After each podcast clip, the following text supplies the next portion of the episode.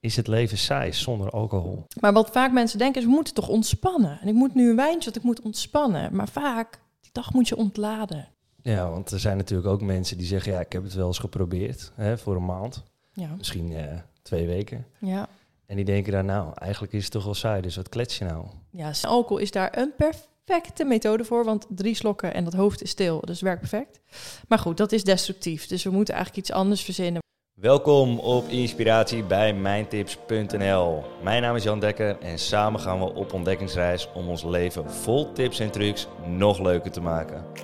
Wil jij geïnspireerd worden door luisterboeken omdat je bijvoorbeeld weinig tijd hebt om te lezen? Meld je dan via de link in de beschrijving aan voor 30 dagen gratis Storytel. Elk moment opzegbaar.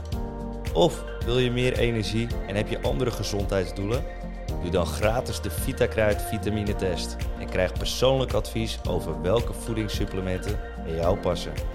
Doe dit via de link vitakruid.nl slash opinspiratie. En slimme mensen zoals jij weten dat wanneer ook jij deze podcast gaat liken, delen of op gaat abonneren, we zo nog meer mensen kunnen inspireren. Doen dus.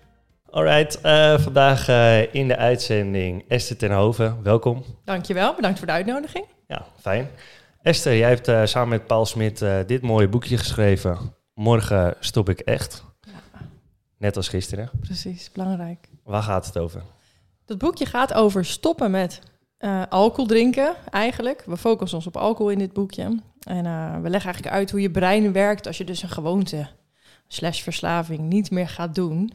Wat je brein dan doet en hoe die in opstand komt en hoe dat werkt. En wij leren de mensen op een bepaalde manier hoe hun brein te doorzien. En dan daardoor beter met bepaalde situaties en stemmen in je hoofd om te kunnen gaan. Ik denk Ja. dat dit een goede uitleg is. ja.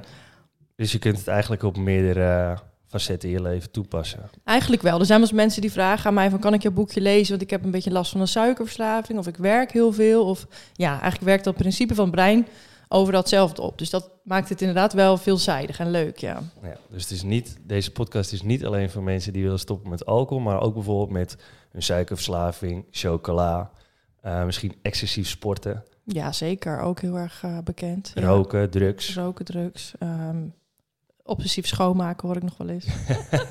ja, echt. Ik heb hem niet, maar... Nou, dan mogen ze bij mij komen. Ja, precies, ja.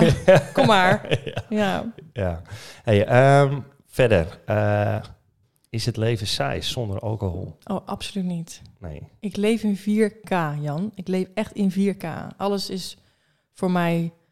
eh, heeft meer kleur gekregen, meer energie gekregen. Ik zie, de, ik zie de wereld op een heel andere manier, echt waar. Ja. Oké, kan je dat eh, wat meer toelichten? Nou ja, weet je, ik, ik, er, ik ervaar het leven heel erg alsof er een soort van sluier overheen lag. Ehm, en ik dronk niet elke dag. Ik weet niet of je dat weet, maar ik, ik dronk in principe alleen maar in het weekend. Of maar, dan zie je al dat ik weer ga, maar alleen in het weekend. Ehm, wel heel veel, maar door de week zat ik een werkend leven. Maar ik voelde toch dat er een soort van sluier over mijn dagen, over mijn leven heen lag. Waardoor ik niet alles ervaarde zoals ik dat zou willen. Had ik daar op dat moment zelf nog niet zo super veel last van. Maar daar kwam ik echt pas achter toen ik stopte. Dat ik dacht, jeetje, wat een emotie komt er naar boven. En wat een oud zeer ook komt er naar boven. Maar ook wat een blijdschap komt er naar boven als ik in de natuur loop. Of als ik een... Man, de tranen springen me in de ogen als ik een koolmees zie vliegen soms, weet je wel. Dus het is echt... eh, het is zoveel heftiger en zoveel, eh, zoveel voller om te leven. Zo voelt het voor mij.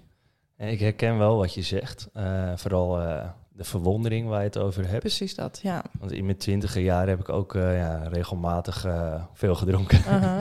Zo'n wilde tijd voor de meeste mensen. Logisch ook. Maar toen ik eenmaal eh, minder ging drinken, eh, nou ja, toen merkte ik eigenlijk hoeveel meer er was op de wereld. En mijn vriendin die ja, zag dat veel sneller dan ik. Die kon echt genieten van een eh, ondergaande zon, Ja, ja. van de vogeltjes die fluiten. En ik heb dat pas, eigenlijk pas sinds die laatste jaren ontwikkeld, sinds ik dus een stuk minder ben gaan drinken. Ja, ja, dat is heel goed te verklaren. Ook er gebeurt gewoon echt iets in je hersenen natuurlijk. Ja, want Ja. Doordat we, dat schrijf je mooi in je boek, denk ik. Doordat je de emoties eh, eigenlijk verdrukt aan de ene kant, eh, verdruk je ze ook aan de andere kant dat je de mooie dingen meer mist. Ja, kijk, we hebben de neiging om nare emoties of nare gevoelens te onderdrukken. Ehm, Maar goed, ik zeg altijd, er zijn twee kanten aan die medaille. En als je die medaille helemaal weggooit, dan gooi je ook de goede kant daarvan weg. Dus dan is de verwondering en de nieuwsgierigheid naar jezelf of naar de wereld... of het blij zijn of het tevreden gevoel, is ook zo'n echt zo'n heel fijn gevoel. Die gooi je dan eigenlijk met dezelfde, dezelfde munt weg, zeg maar. Dus ja. ja zonder donker geen licht, zeg maar, dat idee. Ja, ja. ja dus het stukje bijvoorbeeld uh, interesse in anderen, uh, nou ja, genieten van uh, kinderen die spelen op straat, mensen die elkaar liefdevol aankijken. Dat soort dingen. Hele kleine dingen. Ja, hele kleine dingen die een die, waar, waar, waardoor je dus al gelukshormoon kan aanmaken door zulke dingen. En dat is hetgeen, want als je veel drinkt of veel gebruikt of veel weg bent van jezelf, zeg maar, dat is wat er gewoon minder gebeurt. Je lijf heeft meer nodig om hetzelfde gelukshormoon aan te maken, omdat die receptoren gewoon ongevoeliger zijn geworden. En dan zie je als je stopt met drinken of veel minder gaat drinken, dat dat op een gegeven moment weer in balans komt. Ja, en dan dat zie ik ook altijd in de challenge die ik geef in de coaching. Van, oh, ik loop buiten en ik voel de wind op mijn wangen, weet je wel. Kijk, dat, dat heb je echt nodig. En vooral ook om dat heel erg op te gaan zoeken. En dan zie je dat die de receptoren in balans komen. Dat er weer een natuurlijke afgifte komt van endorfine, van dopamine en al die andere hormonen. Uh, en dan leef je echt, zeg maar, echt hoe het bedoeld is. Want we zei, zonder alcohol is niet saai. Maar we denken dat omdat we het nooit uit onszelf meer halen bijna. Ja, want er zijn natuurlijk ook mensen die zeggen, ja, ik heb het wel eens geprobeerd hè, voor een maand. Ja. Misschien uh, twee weken. Ja. En die denken dan, nou, eigenlijk is het toch wel saai, dus wat klets je nou? Ja, zeker. Dat is het ook aan het begin. Het is helemaal niet leuk als je net gestopt bent. Alhoewel, als je net gestopt bent, geeft je lijf ook nog wel een dopamine shot, omdat je een soort van nieuwe challenge aangaat of een nieuw iets aangaat. Dus de eerste twee weken vinden mensen het eigenlijk heel makkelijk en verbazen ze hoe makkelijk ze het kunnen laten staan. Maar op een gegeven moment treedt die saaiheid wel in en dan kom je we noemen dat ook wel eens, uh, loop je tegen een muur op, zeg maar. En dan denk je van, ja, maar is dit nou waarom ik het doe? En waar zijn al die fijne verschijnselen waar iedereen het over heeft? Die komen bij mij helemaal niet. Nee, dat klopt. En op dat moment is eigenlijk een startpunt voor jouw brein om alles weer te gaan herinrichten en in balans te gaan brengen. Dus als je daar overheen komt, ja, dan voelen mensen het vaak. Maar het is wel een hele lastige periode en die komt ook een paar keer terug. Ja, dus je moet het eigenlijk zien dat je brein een soort van plastisch is, dat kan meeveren, buigen. Zeker. Gelukkig maar. Ja, echt heel wonderlijk is dat, ja. Ja, wat je ook uh, mooi omschreef in het boek, vond ik, was dat uh, stel dat je alcohol drinkt uh, en je leven is normaal gesproken 7,5. nou ja, zonder alcohol kan dat ineens nou ja, bijvoorbeeld naar een 5 gaan en daarna zelfs misschien wel naar een 4. Ja. Maar dat komt alleen omdat je die alcohol als referentiekader hebt. Precies. Dus stel dat je de alcohol weg zou halen, hè, dan, dan kun je bijvoorbeeld op die 7,5 blijven. Maar dan heb je geen uitschieters meer naar de 9. Maar dan is je referentiekader is dus al zonder alcohol is die 7,5. Is al heel goed. Waardoor je in je dagelijkse leven niet meer naar een 5 gaat. Nee, ja, daar zak je dan niet meer naar terug. Nee, precies. Ja. Dat heb je goed uitgelegd, ja.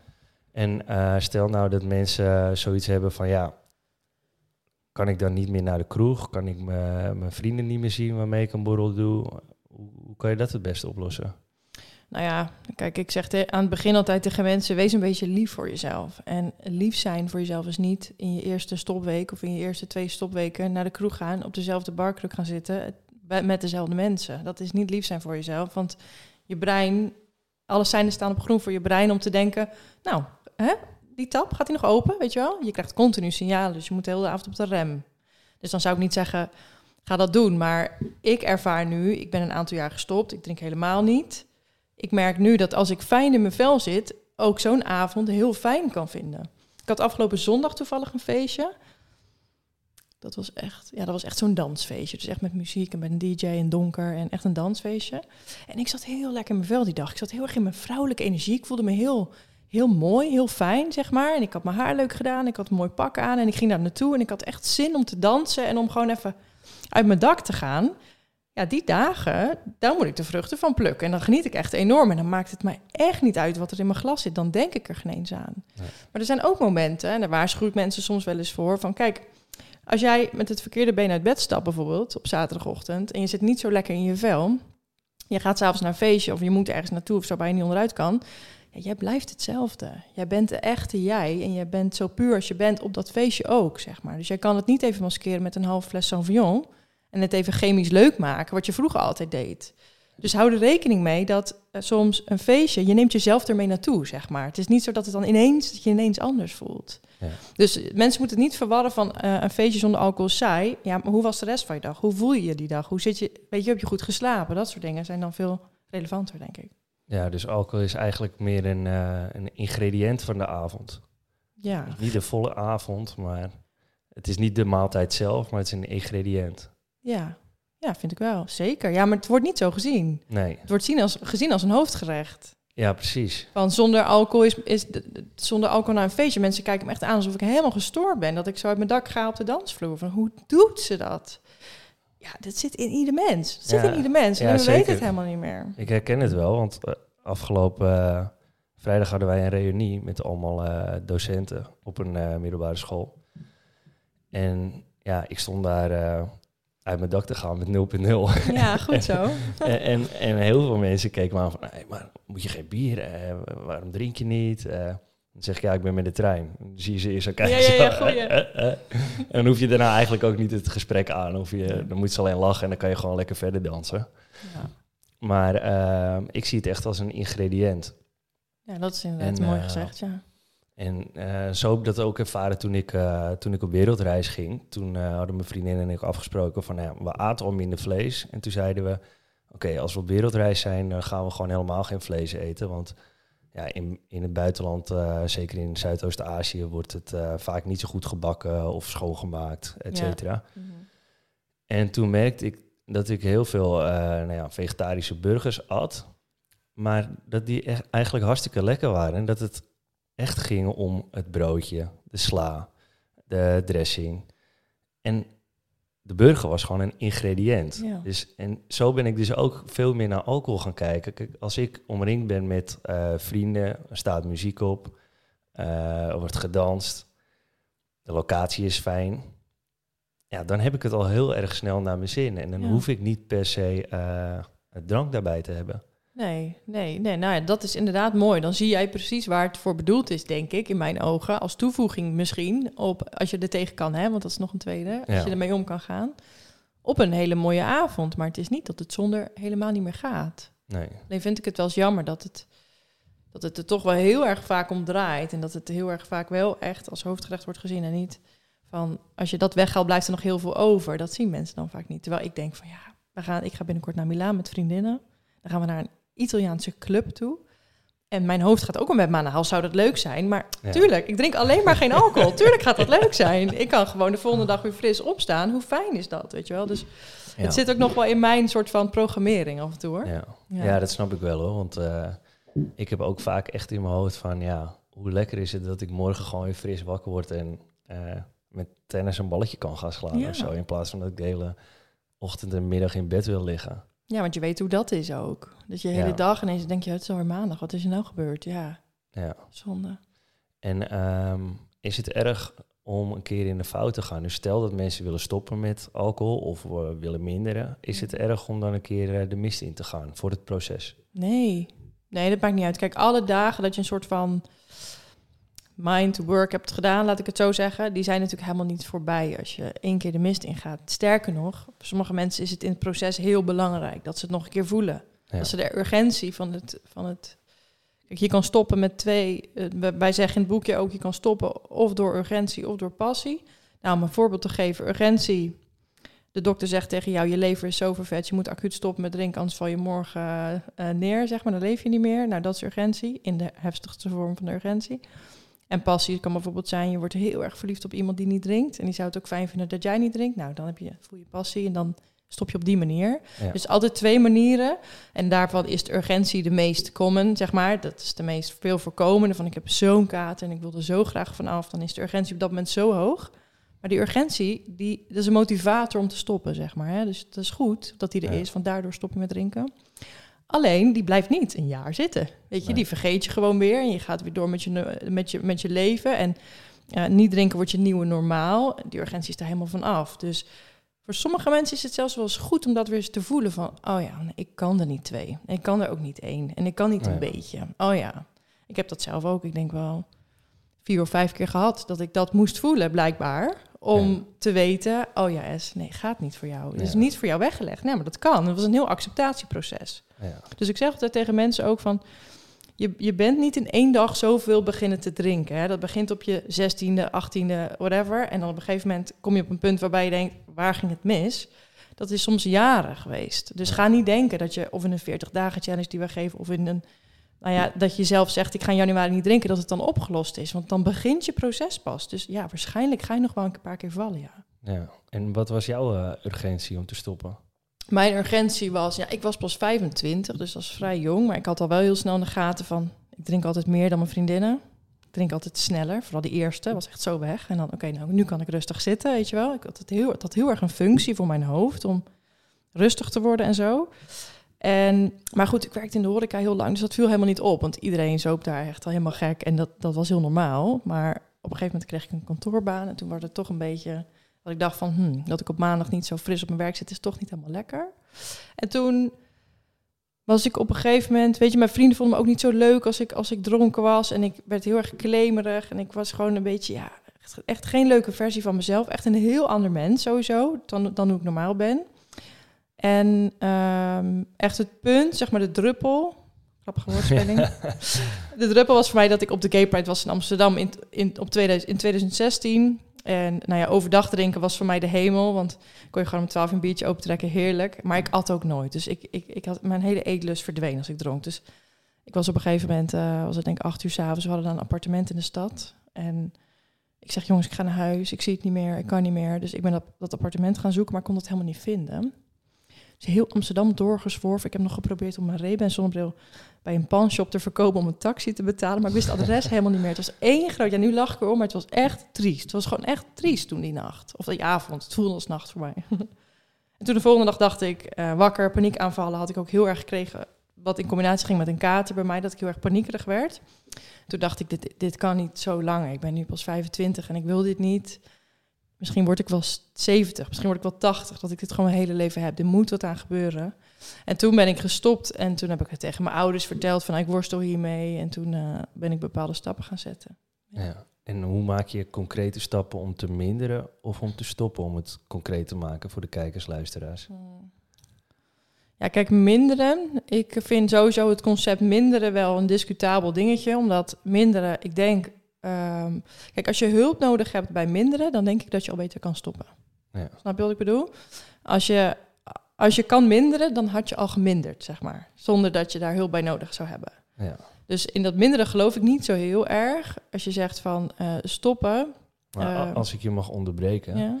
Ja. Um, ja, minderen bedoel je dan echt in de, in de zin van dat je echt hulp nodig hebt? Of denk je van, nou ja, dan kan je het zelf wel? Want als ik naar mezelf kijk, ik dronk bijvoorbeeld in, uh, in mijn twintiger jaren bijvoorbeeld vier dagen. Uh, nee, dan heb je donderdag na training, drink je een biertje. Ja. Niet helemaal voor godloos hoor, maar uh, geef je de volgende dag nog les namelijk. Mm -hmm. Maar op vrijdag, ja, dan ga je wel van God los. Op zaterdag ga je van God los. Op zondag, na de, na de voetbalwedstrijd, ja, ga je van God los, want ik had maandag vrij. Mm -hmm. Dan werkte ik niet. Mm -hmm. En toen had ik wel voor mezelf een doel gesteld van, nou ja, als ik uh, vader wil worden over een uh, aantal jaar, uh, dan denk ik dat het heel moeilijk is om in één keer te stoppen mm -hmm. met dit gedrag. Want door de week voelde ik me niet altijd even fit. Ja, logisch ook. Mm -hmm. En toen had ik wel een soort van stappenplan in mijn hoofd van oké, ik moet het heel rustig gaan, gaan afbouwen. En dat werkte dan voor mij. Mm -hmm. dat ik bijvoorbeeld op donderdag na de, na de training nam ik een colaatje. Nou ja, na een tijdje merkte ik, oké, ik heb plafonddienst, dus uh, dat wordt een spaarhoutje. Ja, ja, precies, beter. ja. en, en, later kwam ik mijn, mijn huidige vriendin tegen. Nou ja, dan ga je op, uh, op vrijdag ga je, ga je samen wat doen in plaats van dat ik in, in de lamp hang in de kroeg. Mm -hmm. En um, daarna had ik zoiets, ja, oké, okay, ik moet voor mezelf ook even een regeltje verzinnen dat ik op zaterdag niet ga drinken. En toen dacht ik, nou, als je nou op zaterdag niet gaat drinken, dan kan je op zondag goed voetballen. Dus dat werd mijn stelregel. En toen ging ik op zaterdag ook niet drinken. Nou, toen hield ik alleen de zondag nog over. Nou, die vond ik super gezellig, dus die hield ik aan. Mm -hmm. Maar na een tijdje had ik ook zoiets, ja, oké, okay, de uitwedstrijden, ja, hoef je ook niet per se te drinken, want het is niet volle bak of zo. Mm -hmm. Laten we het beperken tot de thuiswedstrijden. Nou, toen heb ik een hele tijd alleen op zondag na de, na de voetbalwedstrijd gedronken. Daarna ging ik op wereldreis. En toen werd ik uit mijn eigen omgeving gehaald. En ik denk echt dat ik uh, nou, misschien uh, zes keer of zo heb gedronken uh, tijdens mijn hele periode dat ik weg was. Ja. Omdat Ja. ik gewoon niet de prikkels had om me heen. En het was meer dat mijn vriendinnen zeiden, nou kom, even gezellig een drankje doen. Of met een nieuwjaar of zo. Ja, Dat soort gelegenheden. ja. En het heeft me wel heel rustig aangebracht totdat ik nu... Ja, heb ik eigenlijk voor mezelf gesteld van ja, oké, als ik op mijn verjaardag ben, dan drink ik 0.0. Een soort als dan. ja Die heel ook mooi, ja, die eh, hoor ik steeds bij aan je hele verhaal al. Ja, Ja. en ehm, ja, met de kroeg heb ik nog wel zoiets van, nou ja, ik kom er toch bijna nooit meer. Dus als ik daar ben, dan mag ik wel eh, een avondje en dan neem ik die kater voor lief. ja, precies. Dan neem je hem voor lief. Ja, Ja, ja. Kijk, dat is natuurlijk wel bij. eh, ik, ik, ik scheer ook niet iedereen over één kam hoor. Er zijn Nee. mensen die drinken met een enorme functie, dat het hoofd stil wordt. Nou, dat is bij mij echt enorm het geval. Dus daarom zou voor mij één of twee wijntjes ook totaal zinloos zijn, want dan bereik ik dat helemaal niet. Ja. Dus als ik nu nog wel eens denk aan alcohol, wat gelukkig niet zo vaak meer gebeurt, maar dan denk ik niet, oh wat heerlijk, één wijntje. Nee, dan heb ik zin om helemaal wasted te gaan, zeg Ja, maar. ja. Dat is mijn, snap je? Dat hoofd uit. Alleen, ehm, kijk, wat ik jou nu hoor zeggen, ja, ik word helemaal moe al als ik eraan denk. Ja. Van, oh, dan mag ik dan wel en dan niet. En dan neem ik het dan wel. En als we uitspelen dan niet. En dan als we thuis zijn wel. En dan, weet je wel, dat? Ja, dat zou ik heel moe van worden. Bij mij zou dat nooit werken. Nee, nee. Bij mij zou het licht uit moeten, zeg precies. maar. Snap iedereen je? is het verschillend daarin. Precies, precies. Ja. Maar jij hebt ook, jij zet ander gedrag er tegenover ook. Ja, ik hoor je allemaal als dan al noemen, zeg maar. En dat is precies wat we eigenlijk de mensen altijd aanraden van... Zet er ander gedrag tegenover. Hou geen gat in je dag of hou geen gat in je weekend. Hè. Zet er ander gedrag tegenover wat past bij, nou ja, wat jij een nieuwe levensstijl wil maken. Wat daarbij past, ga dat doen. Ja. Je kan, kijk, ik denk dat 90, mis- nou, misschien 80 procent van het aantal keer dat je drinkt is uit gewoonte. Als jij in de Ja. voetbalkantine zit of in de tenniskantine, neem je eerder een biertje omdat je iedereen dat ziet doen. Ja. Maar je kan ook andere gewoontes aanleren. Ja. Mensen zeggen wel eens, ja, maar als je dan een nieuwe huis koopt, dan moet je toch proosten met champagne. Ik zeg, hoezo? Als Ja. ik mezelf aanleer dat ik dan altijd India's eet, omdat ik dat zo heerlijk vind, en dan is dat mijn gewoonte als ik een huis koop. Dus maar net hoe je het doet, hè?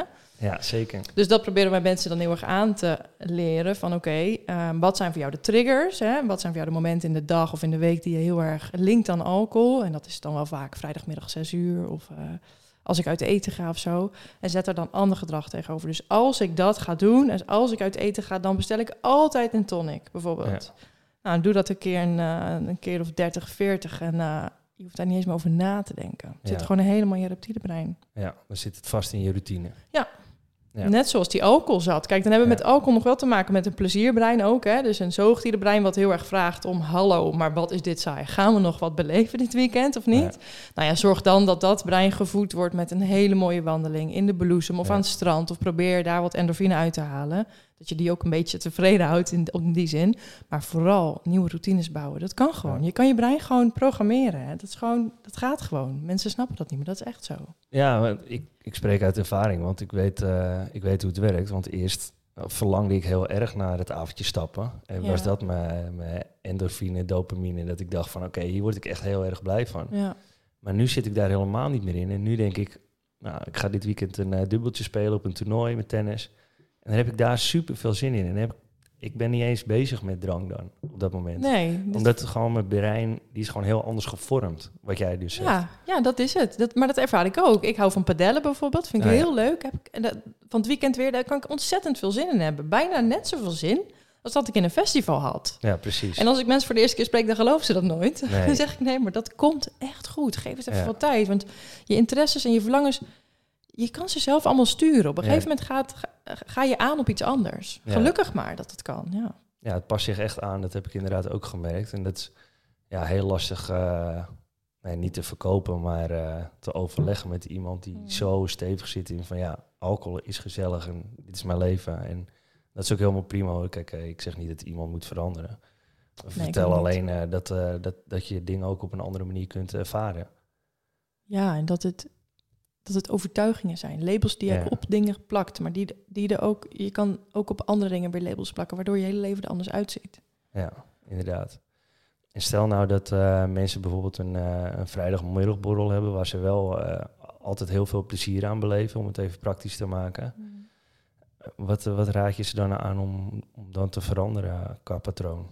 Nou, sowieso is het fijn om je omgeving te veranderen in die zin dat als je echt naar die kroeg wil, ga dan niet op dezelfde barkruk zitten. Dus pak hem even aan de andere kant van de bar of ga aan een zittafeltje zitten of whatever. Dus hou je brein echt een beetje voor de gek. Zo- Zoek de associaties niet zo erg op. Ga ook niet even niet een 0.0 biertje dan bestellen. Als je altijd bier dronk, neem dan even heel wat anders, weet je wel. Dus we zeggen wel eens tegen mensen die heel erg triggeren op die thuis drinken, zeggen we wel eens van, nou ja, zet je bank van de andere kant van de kamer. Zorg gewoon dat je brein gewoon echt in een soort van mengelmoes komt, dat die eigenlijk, eh, dat niet alle seinen meer op groen staan. Dat er Ja. zo min mogelijk hetzelfde is aan die weekenden. Maar goed, wees ook eerlijk tegen jezelf. Als jij daar elke keer zit en je gaat met een soort van energielek weer naar huis, ja, eh, kijk dan wel even of dat nog in je leven past. Of dat dat echt het leukste is van de week om, om zo in te vullen of zo, weet je wel? Ja, en betekent dat ook dat je soms afscheid moet nemen van bepaalde mensen? Ja, dat komt daar wel bij kijken, ja. Dat heb ik ook wel gehad. Ehm, mensen met wie ik in ieder geval een stuk minder contact heb. En waarbij ik gewoon gemerkt heb van... Volgens mij moeten we onze vriendschap uitmaken. Want er is geen niet zoveel meer over van ons, weet je wel. Er was altijd, we gaan lunchen om 12 uur. En dat doen we dan met een wit wijntje. Dan drinken we er nog één en nog één. Oké, dan is het vier uur, gaan we even door. En dan is het ineens acht uur, zijn we allebei lam. Maar wat hebben we nou eigenlijk besproken? Helemaal niks. Waar ging dat over? Ja. En ik merk nu, ja, er blijft gewoon heel weinig over als je dat wegtrekt. Dus waar was die re- relatie op gebaseerd? Ja, niet zoveel. Ja, dan denk ik, nou, dan kan je het beter uitmaken. ja, toch? Die heb ik nog nooit gehoord. Ja, nee, dat kan je toch ook op vriendschap gebruiken, vind ik. Ja, ja, ja. Nee, Ja. zeker hoor, zeker. En is het niet zo dat, eh, kijk, als je alcohol drinkt, dan, dan is het moment zelf natuurlijk ook heel erg fijn.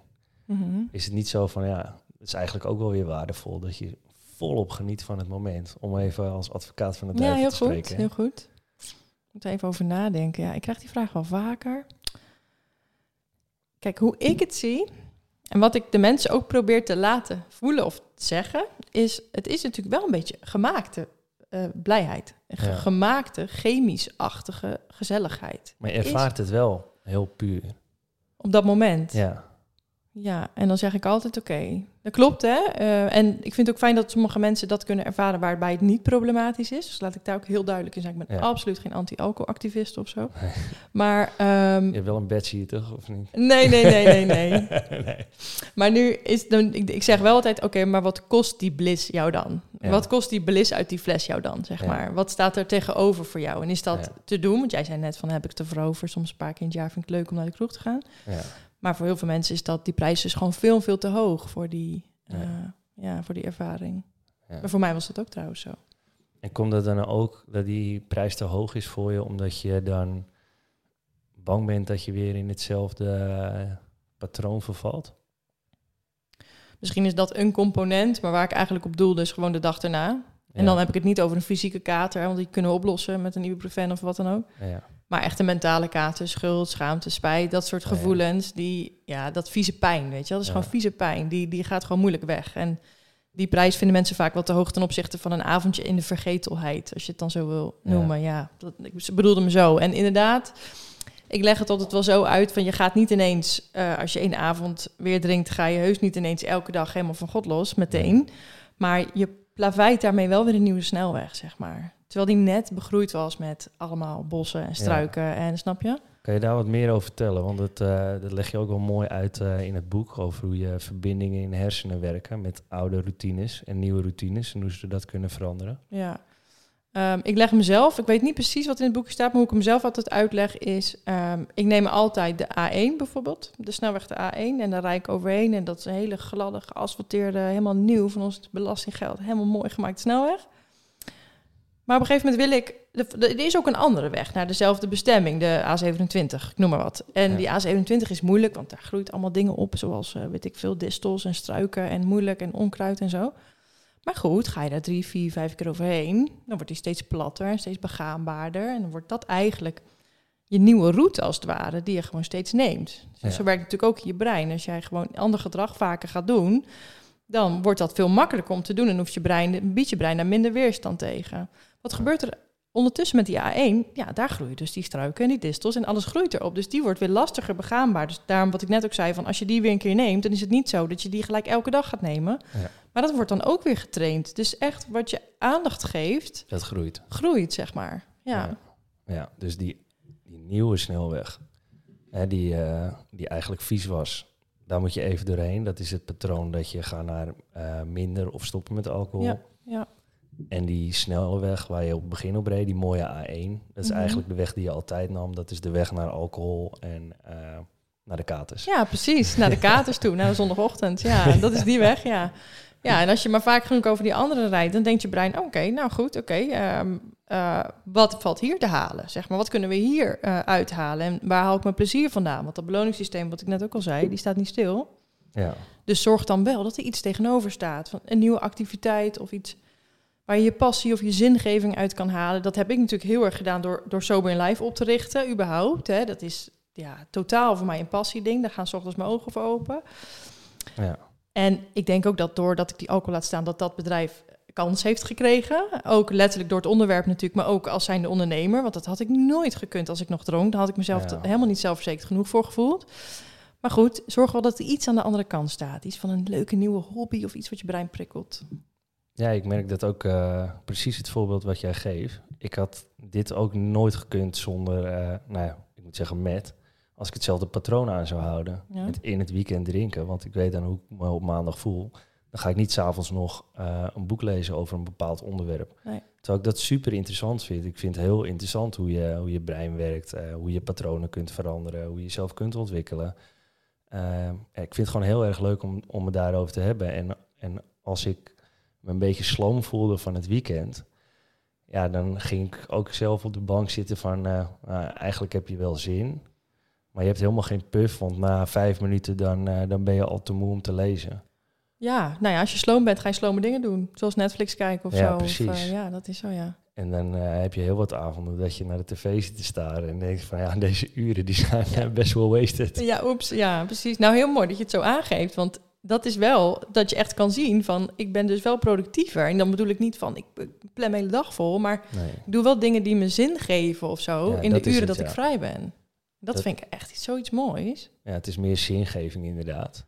Ja. Want, want wat je zegt, hè, eh, je hoeft niet productief te zijn op een dag. Jan Geurts die zegt het ook mooi. Dat komt vanuit je kindertijd, omdat je eigenlijk altijd eh, gecomplimenteerd werd als je iets goeds deed. Ja, En daardoor hebben we nu nog steeds het gevoel dat we altijd iets moeten doen. En dan pas is je dag geslaagd. Gekker, ja. Dus af en toe eh, probeer ik ook eh, niet te veel in te plannen. En eh, hoef ik me daar ook niet schuldig over te voelen. Als ik bijvoorbeeld een pappendag heb, dan eh, doe ik helemaal niks aan mijn eigen bedrijf. Nee, Ook niet als ze slaapt. nee, dat is wel goed. Ja. Want dan kan ik mezelf even goed nog goed voelen aan het eind van de dag. Terwijl ik, al- als je me deze vraag bijvoorbeeld een paar jaar terug had gesteld... van ja, had je je dan goed gevoeld na een dag? En je had verder niks gedaan, had ik gezegd nee, had ik me niet goed gevoeld. Maar nu weet ik dat ik niet productief per se hoef te zijn om, om mezelf goed te voelen. Nou, dan kan ik ook eh, nou, echt eh, fantastisch genieten van een dag met mijn kind. Eh, lekker naar de markt. ja, zulke dingen. Ja, je kunt van alles doen natuurlijk. Nou, ja, maar dat is ook natuurlijk de reden dat mensen willen verdoven überhaupt. Hè? Omdat dat hele concept van productief zijn en mijn dag moet vol en beter en ambitieuzer en groter.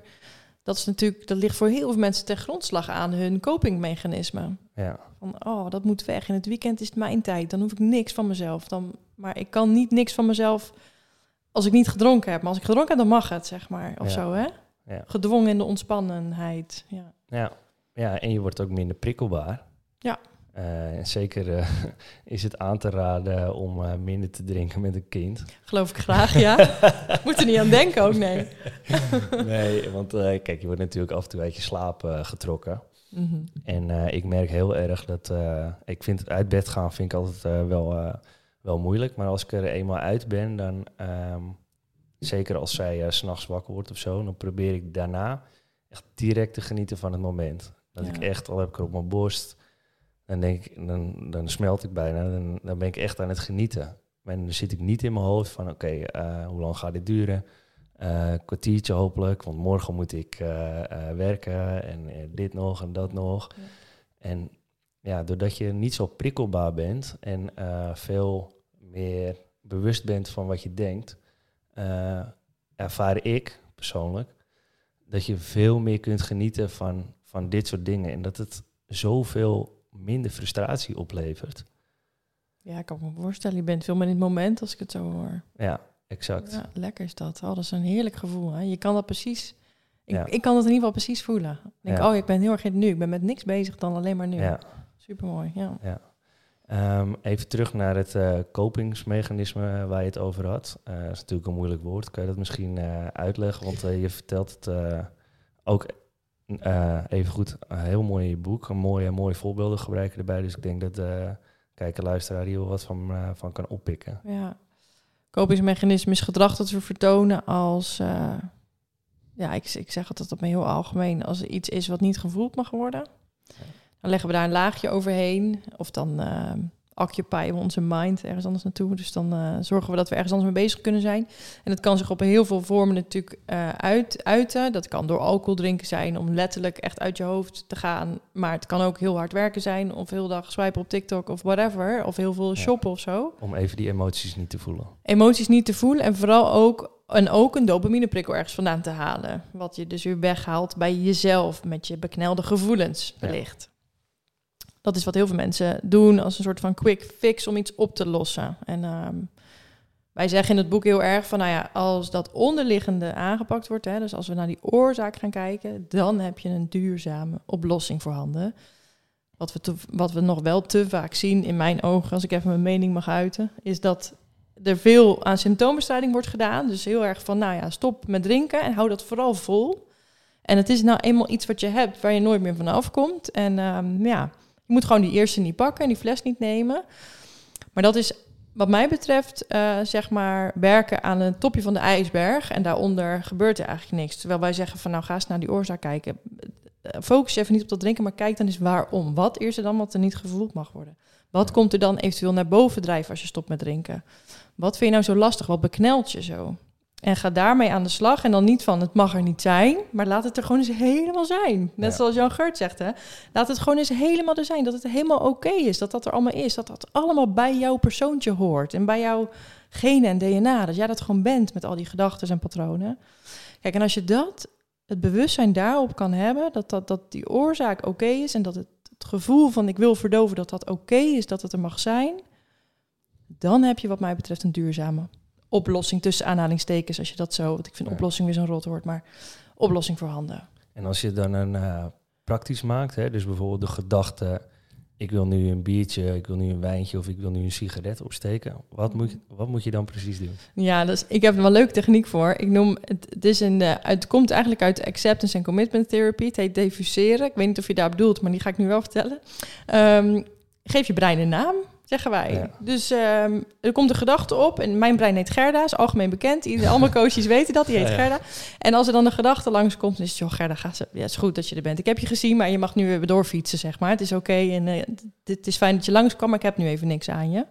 En soms zegt Gerda wel iets nuttigs, maar meestal is Gerda met dezelfde, komt ze met dezelfde dingen aanzetten die ze elke keer kon brengen. En dan split je eigenlijk een soort van je gedachten al van je eigen persoon af. Dus is, is de kans gewoon kleiner dat je je er helemaal mee identificeert. Want als je al een beetje geïdentificeerd bent met het feit van... misschien kan ik wel één wijntje drinken. Ah, misschien kan je het wel, joh. Je hebt het al zo lang niet gedaan. Doe maar, joh. Als je dat al een beetje identificeert... dan is de kans eigenlijk al bijna 100% dat je naar de supermarkt gaat. Ja. Dus je moet het echt aan de voorkant aanpakken al. Van, je ziet Gerda, je hoort Gerda, je ziet er aankomen. Ja, ik weet het. Is goed, tot morgen. Weet je wel? Echt afsplitsen. Ja. Ja, dat is een heel mooie tip. Ja, concreet. denk ik ook. Ja, heel concreet, maar heel simpel ook. Ja. En grappig om in te zetten. Ik ken iemand die heeft zijn brein de stagiair genoemd. Grandioos, had ik zelf kunnen bedenken. Maar echt superleuk. Dus wees daar vooral ook heel creatief in natuurlijk. Ja. heette die gozer toevallig Joost? Nee. Oh. Ken je die? Nee, grandioos. Oh, grandioos. nou ja, ik zal het hem doorgeven. Uh, je vertelt dat, uh, dat eigenlijk je lichaam uh, jezelf meesleurt naar bijvoorbeeld het tankstation om peuken te halen. Mm ik noem maar een voorbeeld. Um, is je lichaam de baas over jou? Wat een goede vraag, Jan. Ik denk het wel. Ja. Ik denk het wel. In ieder geval niet je mind. Nee. nee want daar kunnen we echt niet op vertrouwen. En leg eens uit. Nou ja, als je je brein verdeelt in drie onderdelen, is je uh, je reptiele brein en je zoogdiere brein hebben verreweg het meeste te vertellen. In het boekje doen we dat aan de hand van de metafoor de fabriek. Ja. Er zijn drie afdelingen in de fabriek. De ene is plezier, nou, dat is je zoogdierenbrein. Die uh, wil plezier ervaren, die wil prikkels. Daar bevindt zich je dopamine-stelsel, dat soort dingen allemaal meer. Dan heb je ook nog je routine. Je routine is dus hè, dat jij bijvoorbeeld naar de supermarkt kan fietsen...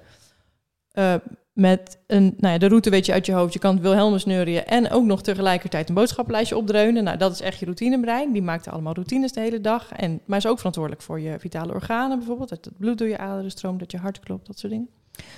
Maar dan heb je ook nog je neocortex. En wij denken altijd dat dat, dat, dat ding superveel te zeggen heeft. Maar dat valt reuze mee. Hij is best handig, want hij kan, we kunnen daarmee rekenen en talen leren en zo. En Ja. een beetje plannen is ook handig. Je bewuste brein. Je bewuste brein. Maar daar houdt het echt wel op. Wij noemen dat de afdeling planning. En dat Ja. daar, zeg maar, ten opzichte van die andere twee werkt daar maar één persoon. En op, zo, en op afdeling plezier en afdeling eh, routine werken 50 personen. Dus dat is een beetje de verhouding.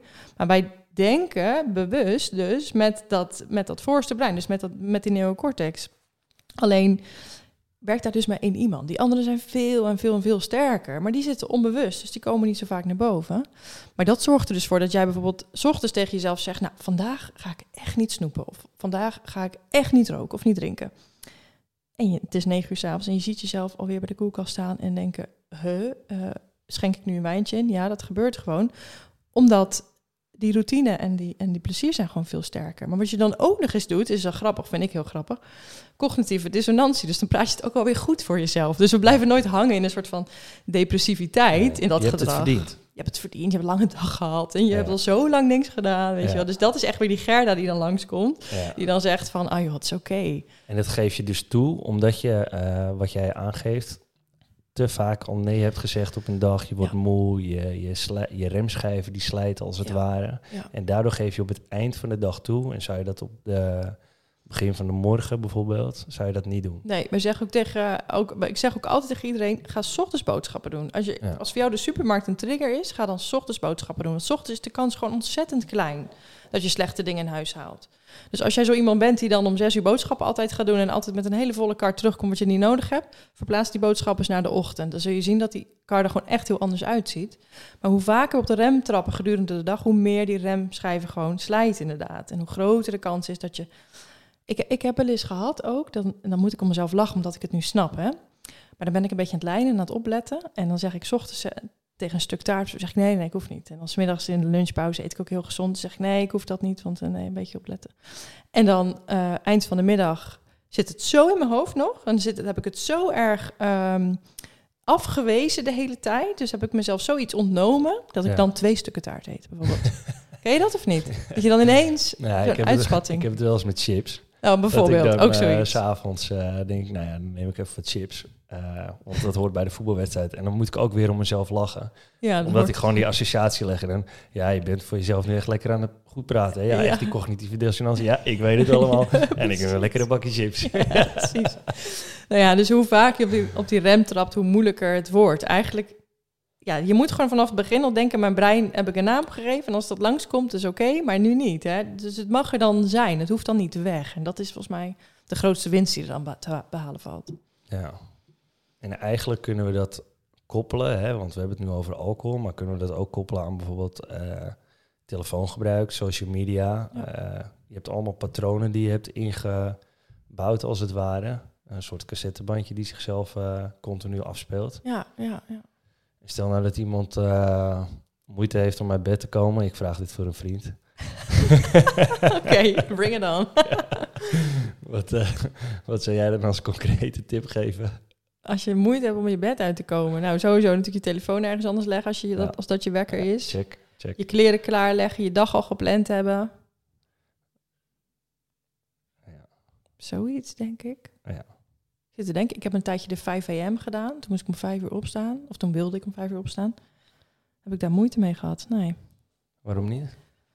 Ja, challenge, dopamine. Ja, precies. Maar dan weet je ook dat het na een tijdje klaar Ja. is. Ja, precies. Dus dat is wel weer lastig. Maar eerder naar bed gaan, is dat niet heel simpel? ja, nee, ik moet zeggen, ik... eh, kijk, ik heb nu natuurlijk wel gewoon een eh, soort van routine ontwikkeld. Want ik heb een kind, dus eh, je moet er wel uit. Alleen het moment dat je eruit moet, is gewoon, vind ik gewoon niet fijn. Mhm. Ik denk niet dat ik de enige ben daarin hoor, overigens. Maar ehm, Nee. ik moet zeggen dat ik eh, eh, sinds twee weken heb ik toevallig... eh, ben ik wat aan het uitproberen van, van Mel Robbins. eh eh 5, 4, 3, 2, 1, 0 eh, methode. Wat is dat? Ehm, nou, doordat je dus in je, nee, je, je bent bezig met je verhalen maken. Want ik ben, ik lig lekker, hè, ik ga mezelf vertellen, oh, dit is lekker, moet je Mhm. eruit, is een noodzaak, et cetera. Nou, soms kan je nog wel even langer blijven liggen. Dus je bent compleet eh, verhalen tegen jezelf aan het vertellen. En ik weet ook dat ik dat dan aan het doen ben. Mhm. Uh, maar door bijvoorbeeld af te tellen...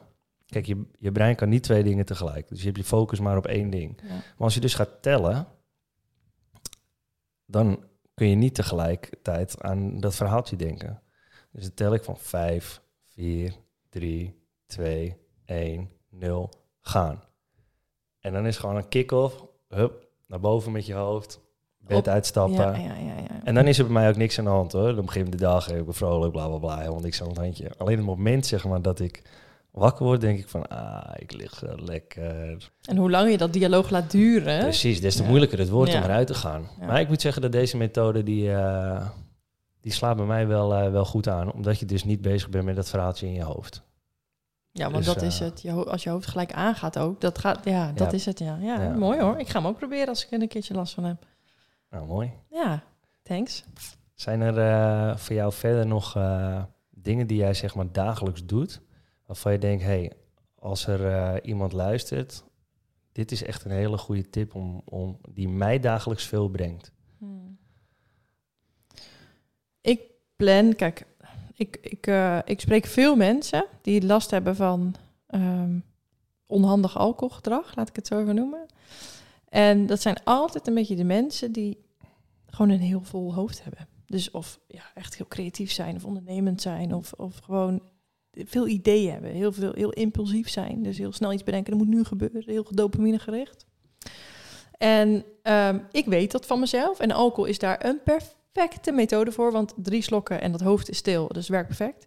Maar goed, dat is destructief. Dus we moeten eigenlijk iets anders verzinnen. Waardoor dat ehm, ook gevoed wordt op die manier. Maar dat dat niet destructief is. Maar wat ik doe is, ik, ik, ik ervaar dat het heel erg als ik heel druk ben geweest. Dus dan ben ik aan het eind van de dag, heb ik een soort van...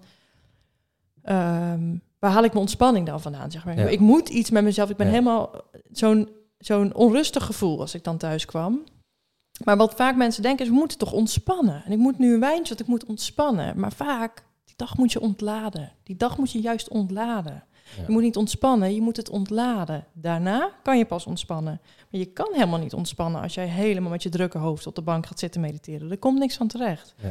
Dus ga een, eh, nou ja, ik doe vaak een meditatie, zo'n shake it meditatie. Dan moet je eerst je voeten shaken en dan je handen en dan je armen en dan helemaal alles losschudden.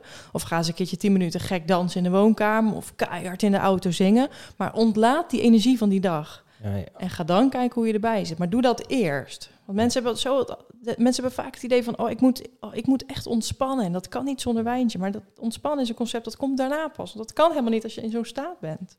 Ja, Paul Smit die zei dat ook mooi. Hè? Eh, omdat je de associatie bijvoorbeeld hebt dat je s'avonds op de bank zit en je hebt trek in een biertje of een wijntje. Ja. Kan je ook voor jezelf wat anders inplannen. Eh, ga zaalvoetballen, ga squashen, ga wandelen, ga fietsen. eh. Ja. En dan heb je compleet eh, die associatie, die heb je gewoon helemaal niet. Nou, dat inderdaad. Dus wij zeggen zelfs van... gooi, ga aan de andere kant aan tafel zitten... als je gewend bent om een wijntje te drinken bij het eten. Dus pak, Ja. mensen hebben vaak vaste plekken, toch? Tenminste, Ja. wij thuis ook.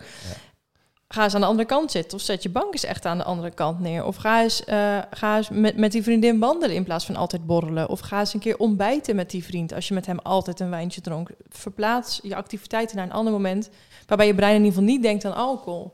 Ook mensen die verjaardagen heel eng vinden. Ik zeg, doe het gewoon rond brunchtijd. Organiseer gewoon een brunchverjaardag. Dan verwacht echt niet iedereen dat je 15 flessen wijn in huis haalt, weet je wel. Dus Nee. zo kan je dingen voor jezelf gewoon wat makkelijker maken. Plus ook, als winst is dat dan inderdaad dat je brein die associatie niet legt. Of Ja. veel minder in ieder geval. Ja. En wat denk ik ook eh, echt een hele goede is, is om voor jezelf te bepalen wie je wilt zijn. Ja, Dat je echt gaat kijken, wil ik de persoon zijn die altijd een kater heeft? Of wil ik de persoon zijn die drie dagen drinkt?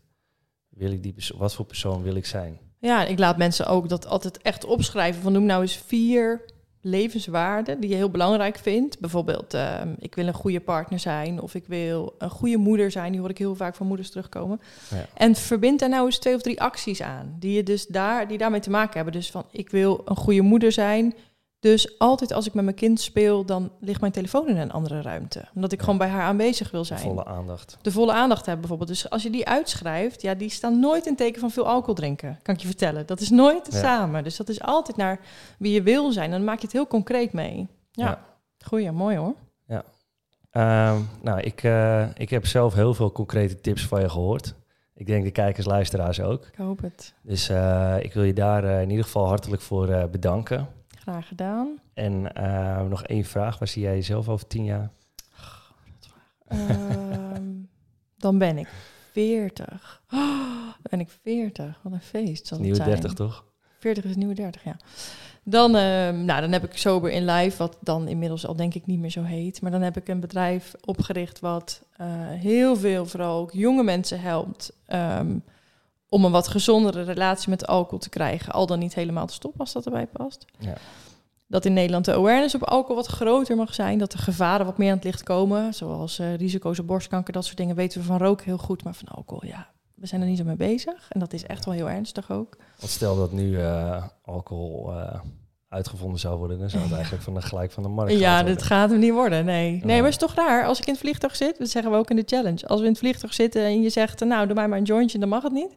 Maar doe mij maar een fles uh, Sauvignon Blanc, dan is het helemaal geen probleem. Ik vind Ja. het allemaal wat rare dingen, maar goed. Dus dat er wat meer awareness op mag komen. Maar eh, ja, en dat, dat, en, en dat het in Nederland gewoon veel meer mag gaan over mentale weerbaarheid en mentale gezondheid. En dat daar veel meer de focus op ligt. Dus dat we dat copingmechanisme ook veel minder nodig hebben als maatschappij. Ja. Dat is misschien een heel groot doel, maar dat zou ik wel eh, dat zou ik top vinden als dat over tien jaar wat veranderd is. Ja, Nou, dat is een hartstikke mooi doel. ja, Ja. denk ik ook. Ehm, nou, verder eh verloten wij nog dit mooie boek. Ja. Dus eh, mocht, je, mocht je heel veel tips hieruit hebben gehaald en geïnteresseerd zijn in nog meer verdieping hierin, dan moet je even deze podcast delen op jouw verhaal of onze Instagram-post die we, die we gaan doen. Deel het op je verhaal. Eh, tag ons erin, sober in live en mijntips.nl. En dan eh, gaan wij kijken naar, eh, naar wie dit eh, mooie, concrete boekje toekomt. Zeker, leuk. Nou, hartstikke bedankt. Dankjewel. Jij ook? Top. Tof dat je mee op inspiratie was. Wil jij 30 dagen gratis geïnspireerd worden door de luisterboeken van Storytel? Klik dan op de link in de beschrijving. En het zou top zijn als ook jij deze podcast liked, deelt of op gaat abonneren. Zo kunnen we nog meer mensen inspireren. Tot de volgende!